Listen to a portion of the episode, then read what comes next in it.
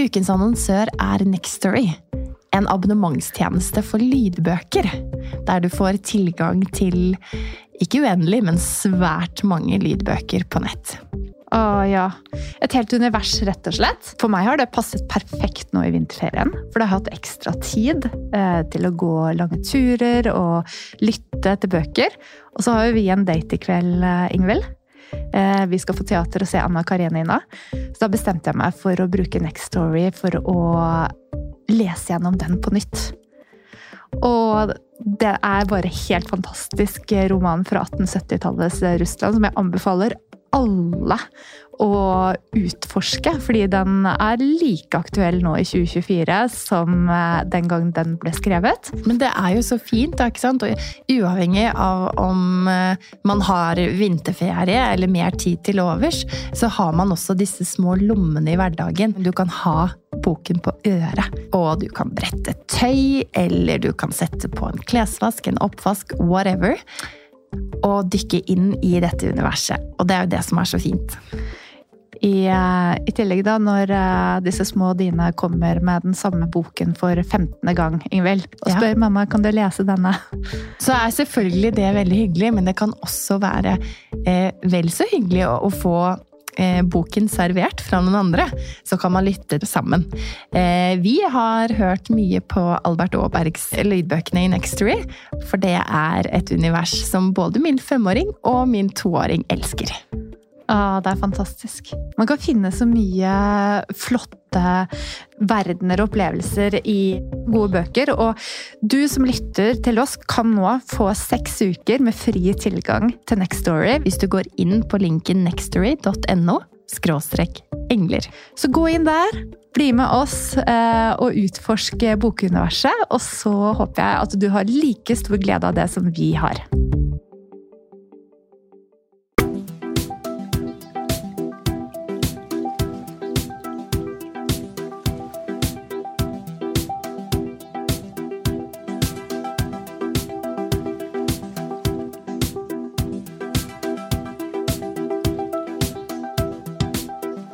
Velkommen til Engler og hormoner. Inspirasjon og ny kunnskap om helse, selvutvikling og livsstil.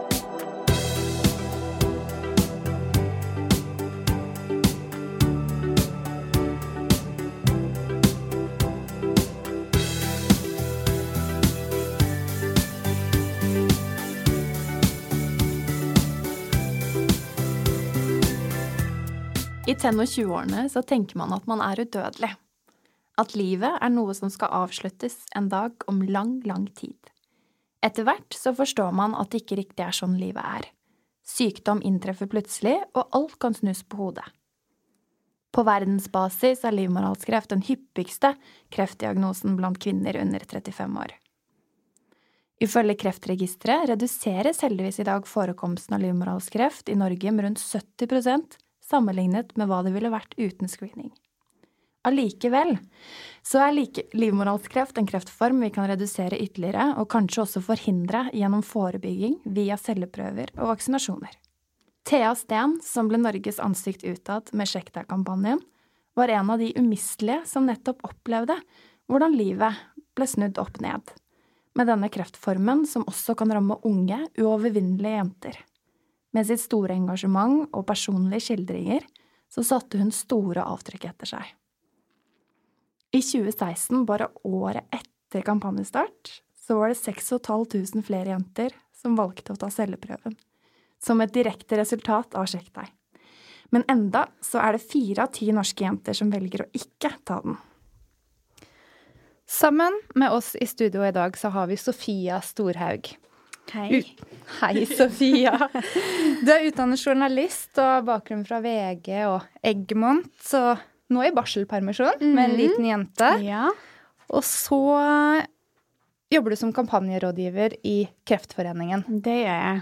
Og det er jo heller ikke så tilfeldig, for eh, den jobben fikk jeg jo etter eh, Sjekk deg-kampanjen. Så mm, den har gitt meg mye. Mm. Ja, for i dag så vil du gjerne legge ekstra stor vekt på å introdusere deg mm. som uh, Thea Stens gode venninne. Mm. Og også initiativtaker til Kreftforeningens Sjekk deg kampanje. Ja. Wow, for en jobb dere har gjort. Tusen takk. Um, jeg husker jeg og Thea satt um, og uh, når vi skulle lage denne kampanjen, så satt vi på kafé. Jeg tror det var Delikatessen på Grünerløkka. Og vi hadde jo bakgrunn som journalister, og grunnen til at vi begge var blitt det, var jo fordi at vi hadde lyst til å gjøre en forskjell og sette dagsorden og bety noe, da. Og jeg husker når vi liksom satt og planla denne kampanjen, så tenkte vi sånn Herregud, jeg tror dette kommer til å være noe av det største vi har gjort sånn karrieremessig. Å lage denne kampanjen for å gjøre en forskjell da, for mange kvinner. Eh, og få de til å gå og sjekke seg. Og det er det jo virkelig mange som har gjort også, som en direkte, et Ja. direkte resultat av dette her. Vi hadde jo aldri trodd hvor stor den kampanjen kom til å bli. Eh, når vi satt der og drakk vin og skrev liksom notater i en svart bok. Så nei, det er virkelig fantastisk, og det gir også litt sånn mening til det meningsløse. For Thea var jo veldig syk. Når var dette, Sofia? Når er det dere satt og planla denne kampanjen på delikatessen, som vi mange av oss kjenner godt? Mange av oss kjennes godt, nei. Uh, nei, dette begynner jo å bli en stund siden nå. Det er jo uh, Det var uh, høsten 2015 eh, hvor vi begynte å snakke om det. Nei, det var Det var Nå tar jeg litt feil. Men det var vinteren, når Thea bestemte seg for å flytte til New York. Eh, og da fikk diagnosen livmorhalskreft, at hun kom hjem. Eh, og den våren, da satt vi på delikatessen og begynte å planlegge denne kampanjen. Og eh, det var jo når hun flyttet til New York og skulle egentlig på sin livsreise, eh, at hun fikk den diagnosen. Og jeg husker jeg snakket med henne på telefon når hun først bare trodde at det var en sånn godartet svulst. Um, og da tenkte vi sånn ja, ja, men det går jo bra, og det er heldigvis ikke kreft. Eh, det kunne vært så mye verre. Og så to uker senere så får hun beskjed om at den godarta svulsten, som hun trodde ikke var farlig, var blitt kreft. Og eh, det var jo veldig skummelt, og det snudde jo hennes liv på hodet. Men det er jo nettopp det at det eh, er jo veldig mange liv som rammes av denne kreftformen, og det trenger ikke nødvendigvis skje. Og det var jo det Thea ville, at ikke mange, ikke mange skulle havne i hennes situasjon, og unngå å havne der, og alt det hun måtte gjennom.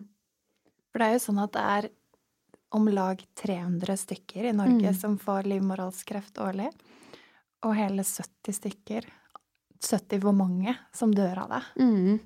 Og Thea var en av de. Og de sier også det at hvis vi ikke hadde hatt livmorhalsprogrammet i Norge, så er det 1000 flere som hadde hatt eh, livmorhalskreft. Og det sier litt om viktigheten av det å ha livmorhalsprogrammet, men også viktigheten av å ta celleprøve. For det er det jo, som dere innledningsvis sa, veldig mange som ikke gjør. Og det er så mange som Den dag i dag så er det 250 000 kvinner i Norge som ikke har tatt celleprøve de siste ti årene. Og Ja, det, er litt skummelt. Det er store tall, Mm. og det kan eh, være litt overraskende å se at vi som ellers er så opptatt av helse, Mm. glemmer denne lille, viktige tingen. Og vi jobber jo som eh, terapeuter på en klinikk der vi jobber mye med kvinnehelse, og har gjort det til rutine å stille det spørsmålet til alle kvinner ved første møte. Det syns jeg er helt fantastisk. ja, men det er så godt å høre. ja, på grunn Og av alle arbeid. burde gjøre det. Frisører og tannleger og alle. Ikke sant? Ja. Få det inn i alle yrkesgrupper. Og journalister, Sofia. Og journalister. Ja. Men jeg syns gå, tilba eh, til, uh, gå tilbake til selve den kampanjen. Mm. At dere så snart etter at Thea hadde fått denne diagnosen, så så dere da Sjekk deg som et helt prosjekt. Var dere, var dere klar over at det var denne sjekk deg-biten som dere skulle ta tak i først? Nei, altså det Det som skjedde, var jo at når Thea fikk den diagnosen, så var jo ikke jeg klar over omfanget, jeg var ikke klar over alvoret. Jeg ikke Jeg visste veldig lite til hele sykdommen. Eh, så jeg googlet jo og spurte mange folk, og jeg ringte Kreftforeningen, som ga meg masse god info. Uh, og det var liksom den, gjennom den kartleggingen der at jeg skjønte at dette her er jo et tema som man ikke snakker mye om. Og når jeg ringte til Retriever for å få vite hvor mange avisoppslag som hadde vært om uh, livmorhalskreft, så var det sånn ja, kanskje 30 ja, det siste året. Så mm. det, det, snak, det, ble snakket veldig lite om, og man visste veldig lite info om det.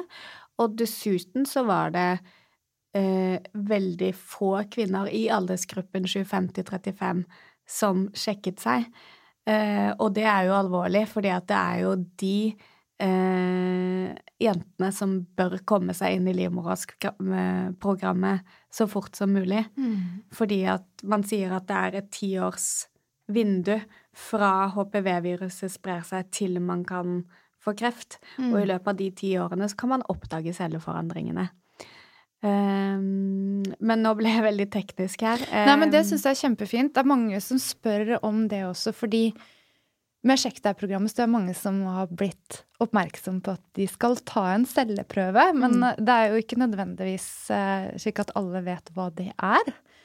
Og man ser jo også at det er mange som velger å ikke gå og ta denne celleprøven, kanskje nettopp i frykt av hva det innebærer. Mm. Så selve mm, den tekniske biten kan vi godt snakke litt om, for det tror jeg mange lurer på. Eh, fordi det man gjør, det dere oppfordrer til, er jo å ringe fastlegen mm. og sette opp en time for å ta celleprøve. Mm.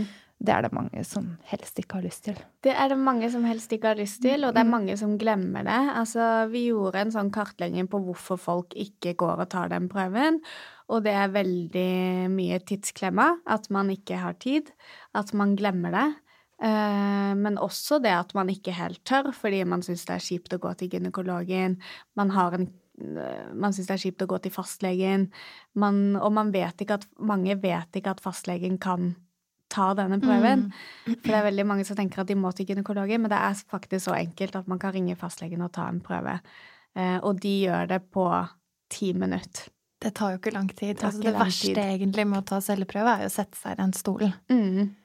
Og Ta med et håndkle, tenker ja. jeg. Eller et skjerf å ha over deg hvis du er litt blyg. Ja, ja og det hun Amelie Tropé, som er leder for Livmorhalsprogrammet, mm. foreslo, var at man skal ta på seg skjørt eller kjole. Mm. Ja, ikke sant? For da kan man bare heise det opp, og så skipper man seg opp i gynekologstolen. Og så er den Altså for en gynekolog, for en fastlege, så er det å se et kvinnelig kjønnsorgan like mye som å se en armhule eller undersøke en fot.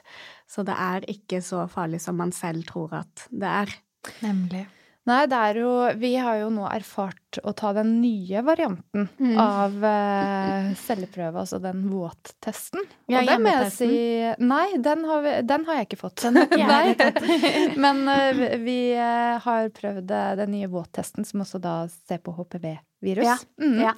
Og det, det, må jeg si at det var en veldig grei opplevelse. Virkelig. Ja, mm. Så nå trenger man ikke å grue seg i det hele tatt. Nei.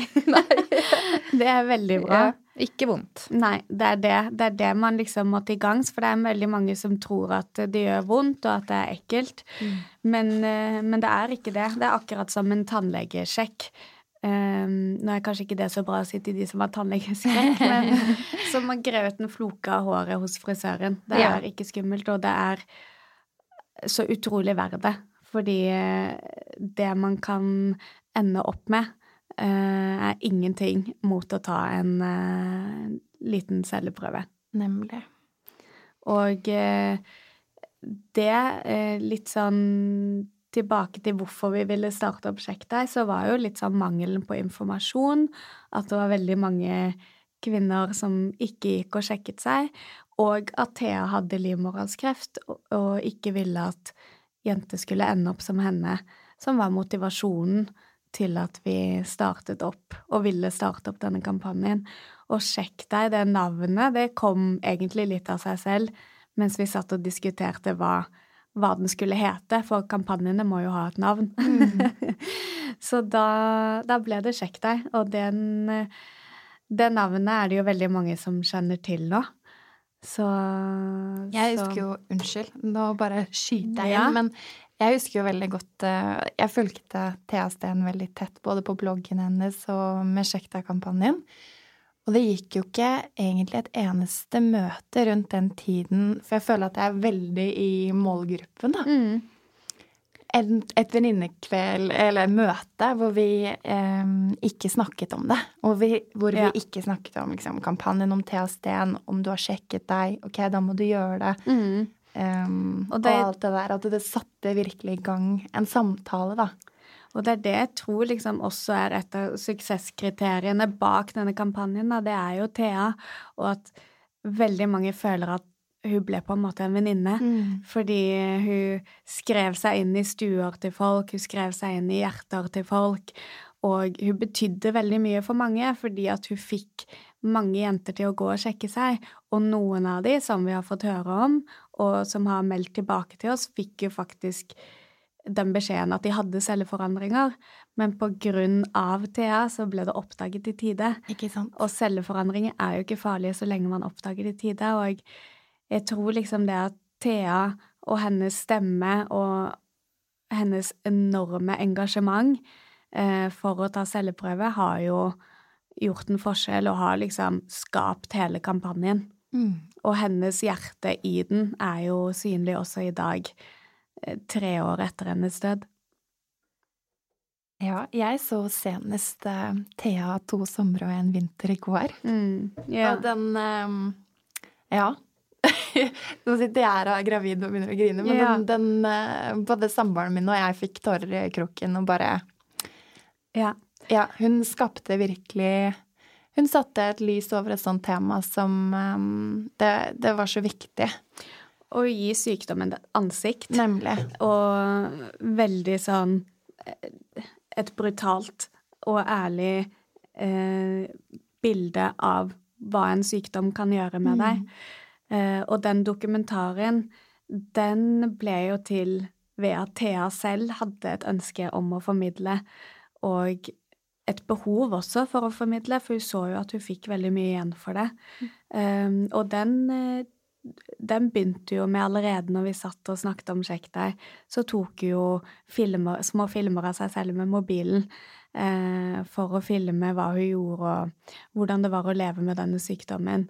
Um, så det ble på en måte et prosjekt som var viktig for henne, Mm. og jeg tror også at det ga henne mening å skulle jobbe med, med noe.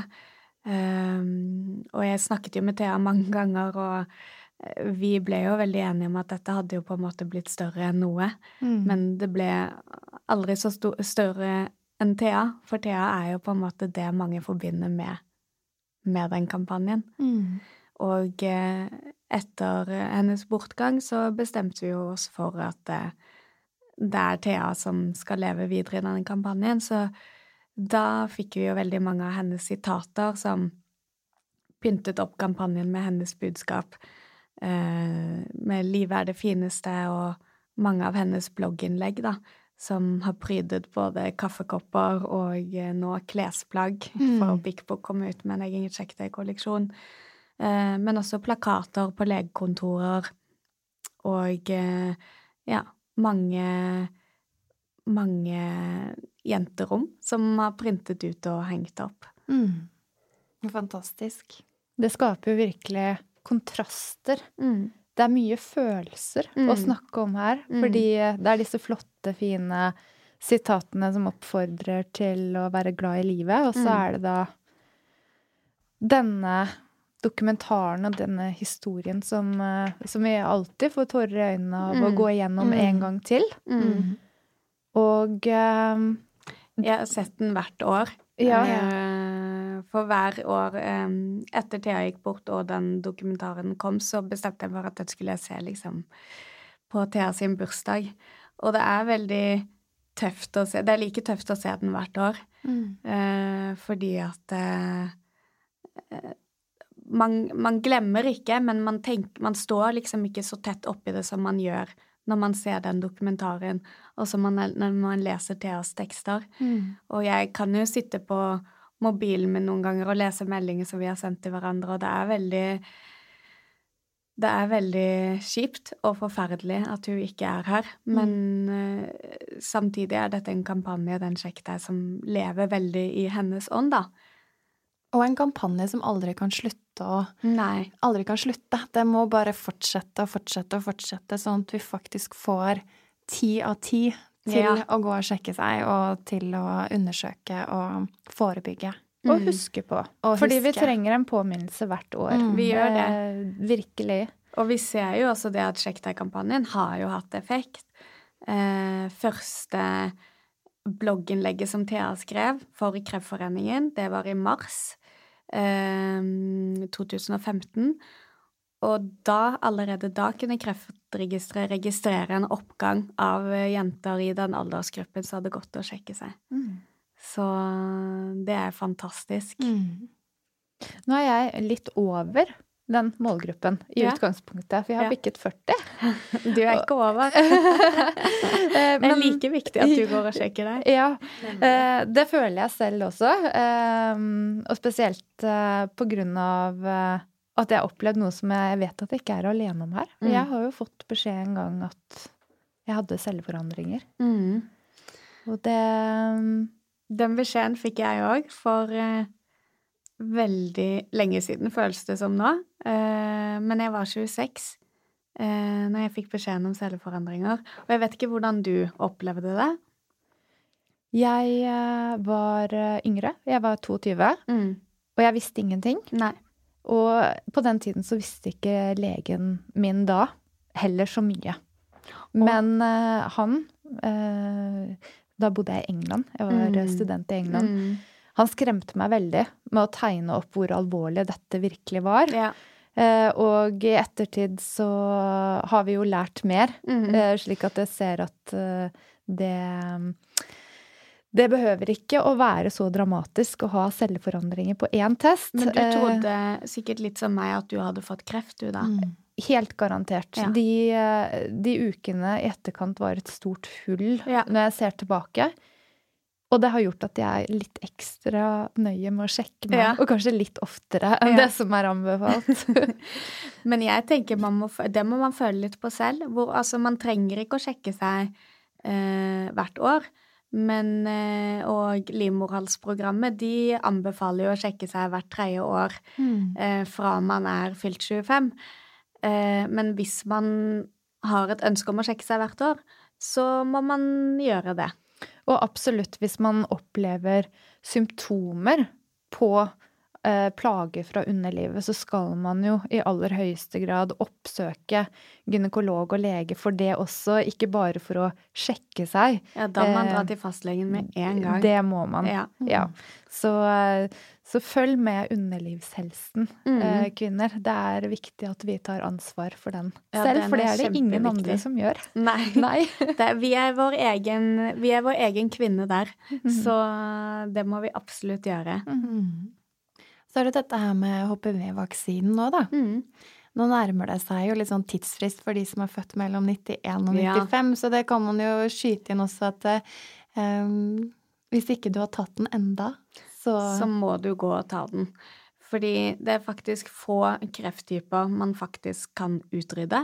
Men ved å ta den HPV-vaksinen, så eh, er man ikke så er, så er man Ja, HPV-viruset har jo vist seg å forårsake livmorhalskreft. Mm. Og det, det ble jo faktisk delt ut eh, nobelpris Ja. til den som fant ut av mm. dette i 2008. Så det er eh, helt fantastisk forskning som nå kommer oss til gode ved å få en vaksine, så kan du forsikre deg mot dette HPV-viruset mm, som er bevist å ligge der og forårsake livmorhalskreft. Nettopp det vi ikke vil ha. Og den er gratis. Den er gratis. Så den er det bare å benytte seg. Hadde jeg fått det tilbudet, så hadde jeg benytta meg av det med en gang. Men det er kun gratis nå fram for jenter født mellom 91 og 95 Ja. fram til nyttår, er det sånn? Ja, ja. Mm. Og det er Altså, de har gjort en registrering, og det er halvparten som har tatt eh, HPV-vaksinen, av de som bør ta den. Så alle som ikke har tatt den, de må bare gå og ta den. Jeg oppfordrer med med det største jeg har, at man må bare gå og ta den vaksinen, for den er så viktig, og den kan forhindre at du ender opp med å få livmorhalskreft. Mm.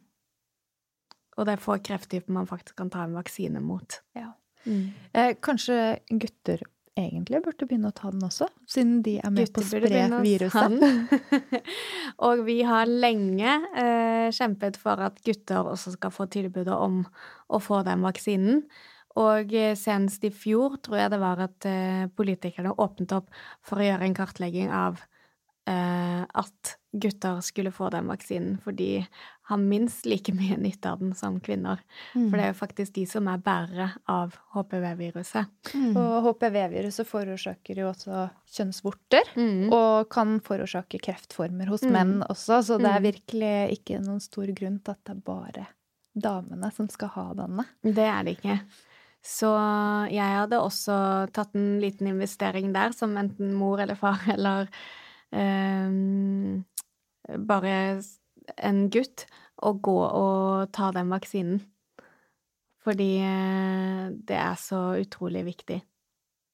Og det er en sterk oppfordring. Men siden jeg da er litt ute av aldersgruppen, mm. uh, så, så tenker jeg at det dette med sosiale medier og blogger mm. og å følge med på dette, det er det kanskje ikke alle opp til 69 år som er inne i den verden og får med seg denne kampanjen Nei. i like stor grad? Nei. Og det har vi jo også jobbet med i Kreftforeningen. At vi må nå ut til flere, ikke bare 25-35, fordi at det å gå og sjekke seg er like gjeldende for en som er 25 som en for, som er 40. Mm. Og de som ikke har sjekket seg før de er 40, de må iallfall gjøre det. Men eh, der gjør jo dere en viktig jobb, da, med å minne deres pasienter om å gå og sjekke seg. Og, eh, og eh, hvordan vi har nådd ut til en annen målgruppe, er jo at vi eksempel har oppsøkt litt sånn steder hvor de er. Eh, vi ser jo at eh, minoritetskvinner, de er blant de som er dårligst på å sjekke seg. Og det er jo ofte fordi det er et tabulagt tema. Så i fjor så arrangerte vi en sånn gratis eh, Sjekk deg i dag eh, på eh, et sted på Grønland. Og da dukket det opp veldig, veldig mange minoritetskvinner. For de hadde fått, da brukte vi litt sånn Jungeltelegrafen, da. Og eh, gikk gjennom mange ulike sånne eh, ja, organisasjoner som nådde ut til minoritetskvinner. Og så kunne de ta 26 kvinner, tror jeg det var, men da var det en somalsk kvinne som hadde tatt med seg alle sine ti somalske venninner og eh, kjøpt trikkebillett til dem, da, mot at de skulle bli med opp og sjekke seg. Herlig. Altså ja. fantastisk. Ja, veldig. Ja. Så, men opplever dere i samtale med disse kvinnene at det er vanskelig for de å ta det valget å gå og få uh, celleprøve? Er det um, Ja, veldig. Og spesielt for de, siden det med underliv og det med seksualundervisning er det er også språkbarrierer. Mm. Eh, de forstår ikke hva, som, hva en celleprøve er, så de hiver kanskje det brevet i posten. Det er veldig tabulagt. I tillegg til det, så når vi har snakket med dem, så er ikke dette en sykdom som man snakker om venninner seg imellom. Du sa at dere hadde begynt å snakke om sjekk deg mm. på venninnekvelder og sånn. Det gjør ikke de eh, på samme måte som kanskje vi har begynt å gjøre nå, da. Mm. Eh, så, og i tillegg til det, så er det jo det er liksom ikke bare Oslo-gryten. Det er jo mange av disse minoritetskvinnene som bor utenfor, hvor det kanskje er en familielege, og da blir det ekstra vanskelig å skulle gå og ta den, mm. Eh, ta den uh, celleprøven, fordi at det er en familielege som kjenner til hele familien. Mm. Uh, så de vil jeg jo oppfordre til å kanskje få en henvisning til en gynekolog, eller å dra til en kvinnelig fastlege istedenfor. Ja. Mm. Det er så omfattende, det dere har gjort. Når jeg tenker på å se på alle disse damene som nå har kommet inn og fått sjekket seg fra ja. ulike kulturer. Hvordan er dette i andre land, vet du det? Er det noen andre land som er like Altså, jeg vet jo at vi er veldig heldige i Norge som har livmorhalsprogrammet, fordi at eh, Og Norden. Um, fordi at det er ikke en selvfølge å ha det. Og i mange andre land, spesielt utviklingsland, der uh, har de ikke det programmet. Og uh, litt som du også, der er livmorhalskreft blant de tre største kreftformene. Mm. Fordi at de kommer seg aldri inn i et livmorhalsprogram. De får aldri tatt en celleprøve. Mm. Og de får aldri liksom forhindret å få den krefttypen, da. Og de har kanskje mange eh, At de aldri får dratt til lege, eller aldri får sjekket seg fordi at de har mange eh, De bor ute på landet. De kommer seg ikke til lege. Mm. En ting som slo meg, da, og som har slått meg med Thea Steen, hvis vi kan gå litt tilbake igjen der Det var hennes tro på å overleve. Mm. Vi startet jo egentlig episoden med å si at i 10- og 20-årene så tenker man at man er udødelig. Mm. Det gjør man, og eh, jeg trodde Vi var jo veldig sånn Vi trodde jo veldig at Thea kom til å overleve dette, at hun mm. kom til å komme seg gjennom dette. Og jeg tror jo også at det er grunnen til at veldig mange ikke går og sjekker seg, fordi at man tenker ikke at det er noe som rammer meg, det er noe som rammer eldre. Mm. Når de blir 50 og 60, da kan man liksom kanskje få kreft, men ikke nå når jeg er 25. Men så tror jeg at det å ta ansvar for egen helse, og være sin egen helse bevisst, det er veldig viktig, og jeg tror det er viktig allerede i liksom 25-årsalderen. Eh, at man forebygger, at man kanskje har et sunt kosthold, at man komme seg på trening, men at man gjør de tingene man kan mm. for at man kan leve så lenge man, man har mulighet til det. Og en enkel ting da er jo denne celleprøven. Eh, ta det, men også gjøre andre ting som på en måte kan gjøre livet lengre, da. Og jeg husker Thea sa det ofte at herregud, man tar sin egen helse så utrolig for gitt. Og det gjør man jo. Mm. Ofte. Jeg også har jo kjent på det at man på en måte ikke vet hvor heldig man er, og jeg tror en av de som kjente mest på det, var jo Thea, for hun sto jo midt oppi sykdommen. Og som ung 25-åring så skal man jo ikke ligge fengslet til en sykeseng. Da skal man være ute, man skal være i New York, man skal liksom Livet er et eventyr, da.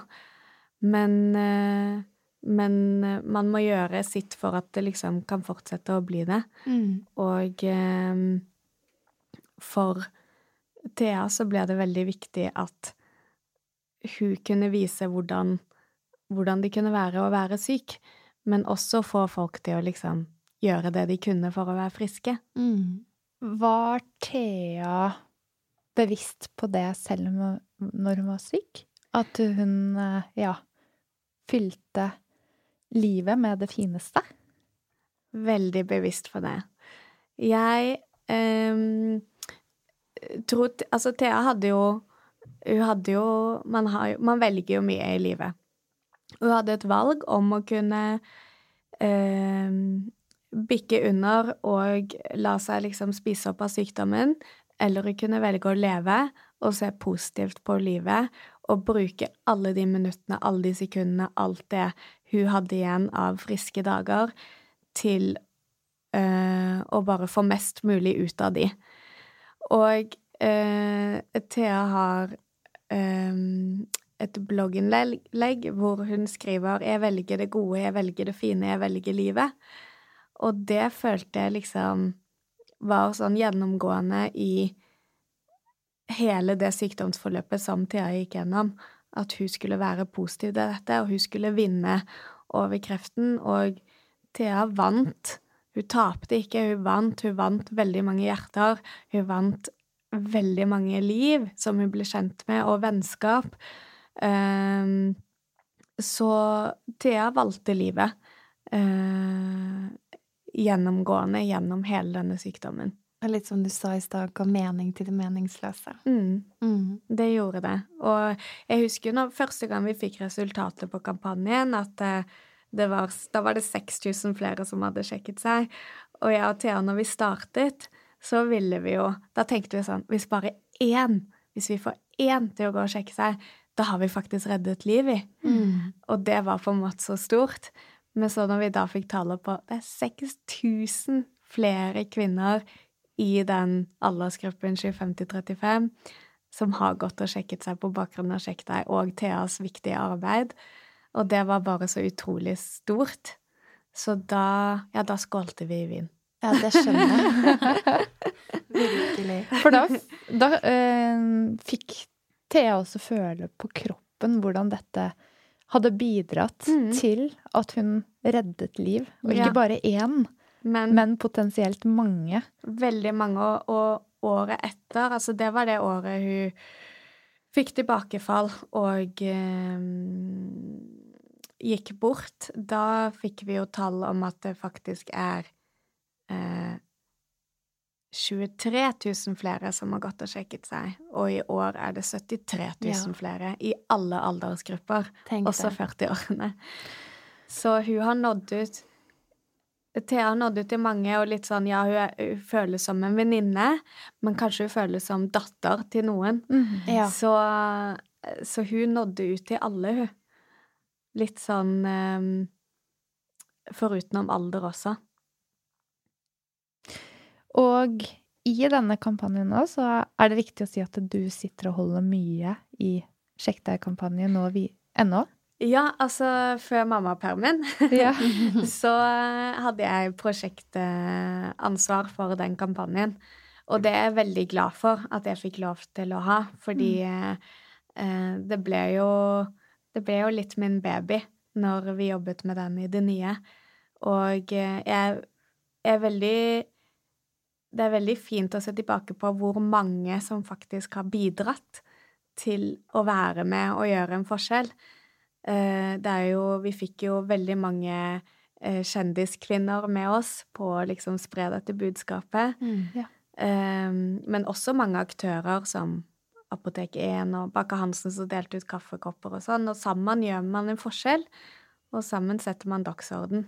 Mm, Så det er veldig fint å se hvor mange som har bidratt. Jeg tror liksom det at det er veldig mange som føler litt sånn eierforhold til kampanjen, og det at man ser at folk som har gått og sjekket seg, som har eh, fått vite at de har celleforandringer, som har skrevet et blogginnlegg om det, eller skrevet et Instagram-innlegg om det, de har jo også bidratt til at de som følger dem igjen, går og sjekker seg. Så man er på en måte alle med å gjøre en forskjell her. ja, et sted må snøballen starte å rulle. Ja. og det var på delikatessen. Det var på delikatessen. Og nå som det går videre, er det slik at Hadde dere visjoner om hva det skulle være fremover? Nei. Nei. Vi var litt sånn her og nå. Vi levde litt i nuet med den kampanjen. Vi tenkte dette er et år, det, og så Uh, vet vi ikke hva som skjer videre. Vi hadde jo aldri forestilt oss at dette kom til å være noe som fortsetter og fortsetter. Men så når vi ser liksom det enorme engasjementet og hva det faktisk fører til, så er det jo noe som bare må leve gjennom alle disse årene fram til vi har utrydda livmorhalskreft. Så må jo denne kampanjen bare fortsette. For det er jo målet, å kunne utrydde det, eller i hvert fall minske det betraktelig. Ja. Det er 70 for mange hvert år. Det er hvert år. 70 for mange hvert år. Absolutt. Og med, med den eh, kampanjen her, så er vi ett skritt nærmere Nemlig. å utrydde. Men også ved HPV-vaksine og eh, hjemmetesting, som man nå også skal bruke som sånn Har begynt med å bruke i et sånn forskningspilotprosjekt. Ja, det er spennende forskning som skjer, og eh, en tredje ting som jeg skal legge til der, da, det er informasjon om hvordan man kan beskytte seg mot HPV-vaksine, eh, i Mm. forhold til at det er en seksuelt overførbar HPV-virus. Mm. Hva sa jeg? Du sa beskytte seg mot HPV-vaksine, så viruset skal du beskytte deg for. Å ja. Beklager. Ja, det går fint. Vaksinen beskytter. Kondom beskytter mot virus. Det var det jeg ville ha frem. Kondom beskytter mot virus. Ja, Ja. det gjør det. Så det er å anbefale alle unge jenter og gutter. Å bruke beskyttelse. Mm. Absolutt. Hva tror du Thea ville ha sagt hvis hun satt her i dag og så eh, hva dette har ført til? Åh. Altså, jeg um, Siste gang jeg snakket med Thea, det var um, i Stavanger, når hun lå um, Ble innlagt der. og det var uh, bare tre uker før hun gikk bort. Så da var hun allerede veldig syk da. Uh, og da snakket vi lenge sammen, og da husker jeg Det var egentlig første gang jeg skjønte hvor ille det sto til. Så når jeg så henne da, så satt jeg egentlig bare og, og gråt. Uh, og klarte ikke helt å skjule det heller, hvor, uh, hvor, redd jeg ble for henne, da. Men uh, før jeg skulle gå da, så husker jeg hun sa til meg at Sofia, tenk hva vi har fått til, og tenk hva vi har gjort, og dette betyr alt, og jeg tror det var dette som var meningen, sa hun. Ja. Uh, og da tenkte jeg bare at dette er veldig sterke ord fra en som ligger og ikke har lenge igjen. Mm. Men jeg tenkte også at dette gir henne såpass mening at det på en måte var det som skulle skje. Hun skulle være med, og hun skulle starte denne kampanjen, hun, og hun skulle redde liv. Og hun har jo reddet livet med sitt eget. Eh, hadde hun sett alt hun har fått til i dag, for hun er jo fremdeles med, og jeg tror bare at hun hadde vært Jeg tror nesten ikke hun hadde trodd på det selv. Fordi Fordi det er blitt så stort, og um, det har på en måte blitt større enn oss begge, da. Um, og Nei, jeg klarer liksom ikke å si så mye annet enn at det hadde gitt mening for henne i, i det hun gikk gjennom. Alt det hun har gått gjennom av øh, vondter og av fortvilelse og av dødsangst og alt det som hun på en måte har måttet øh, leve seg gjennom. Jeg, tenk, jeg, tenker at hun hadde tenkt at det er verdt det, mm. fordi at hun har fått til så mye gjennom det.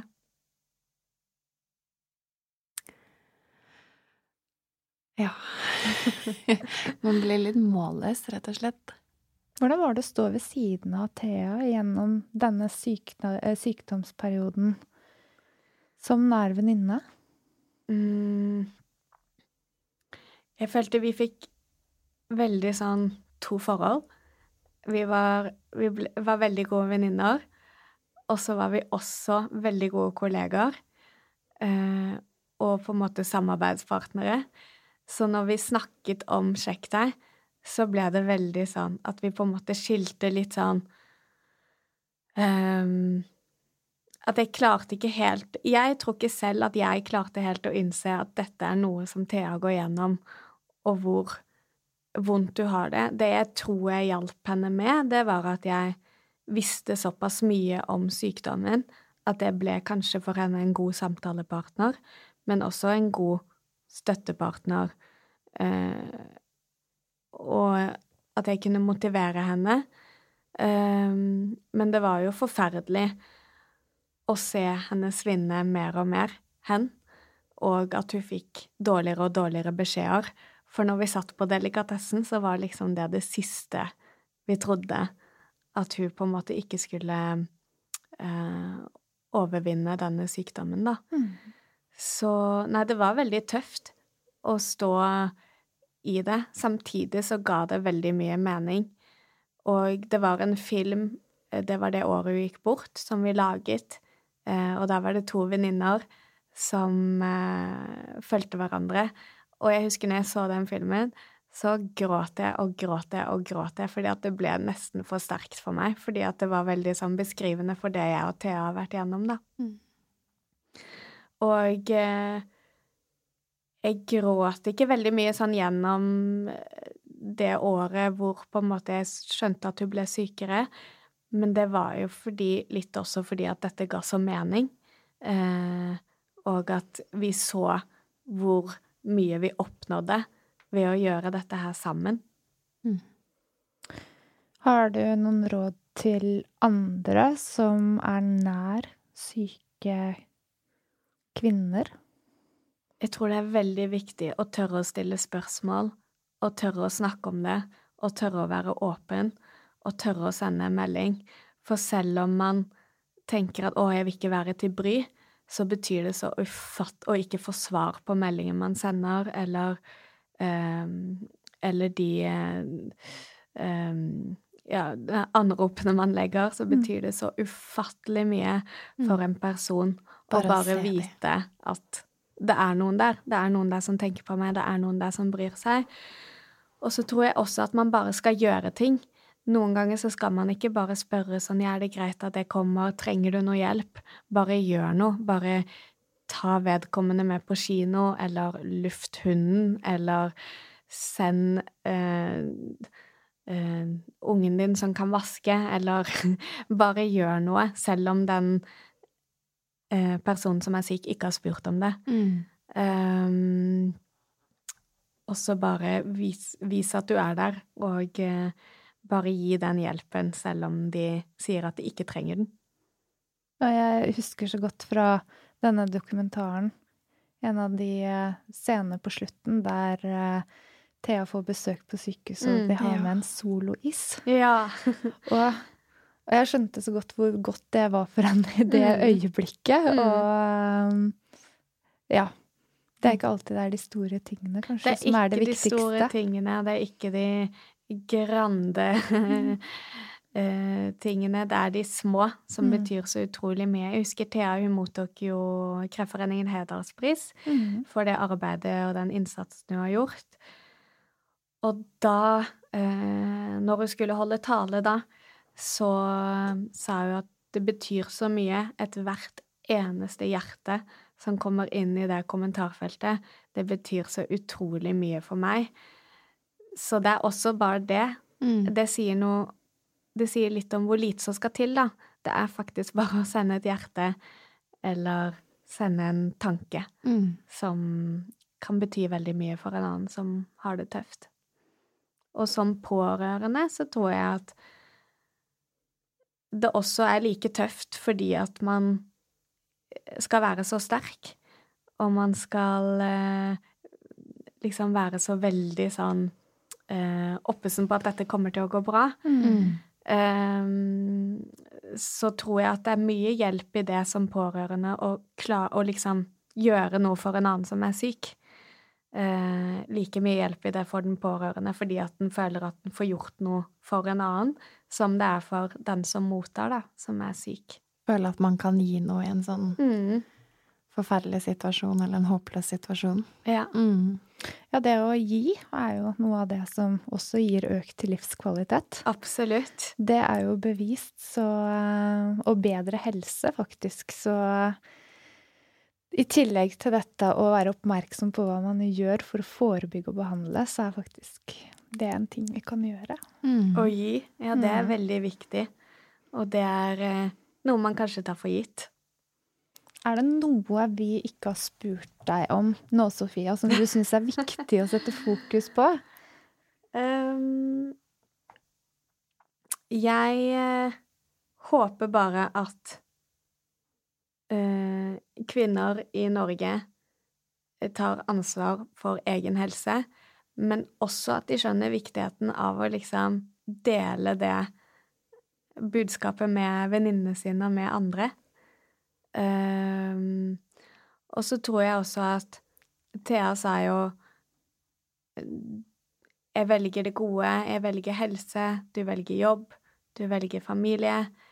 Du velger livet, men da må du også velge å ta en celleprøve.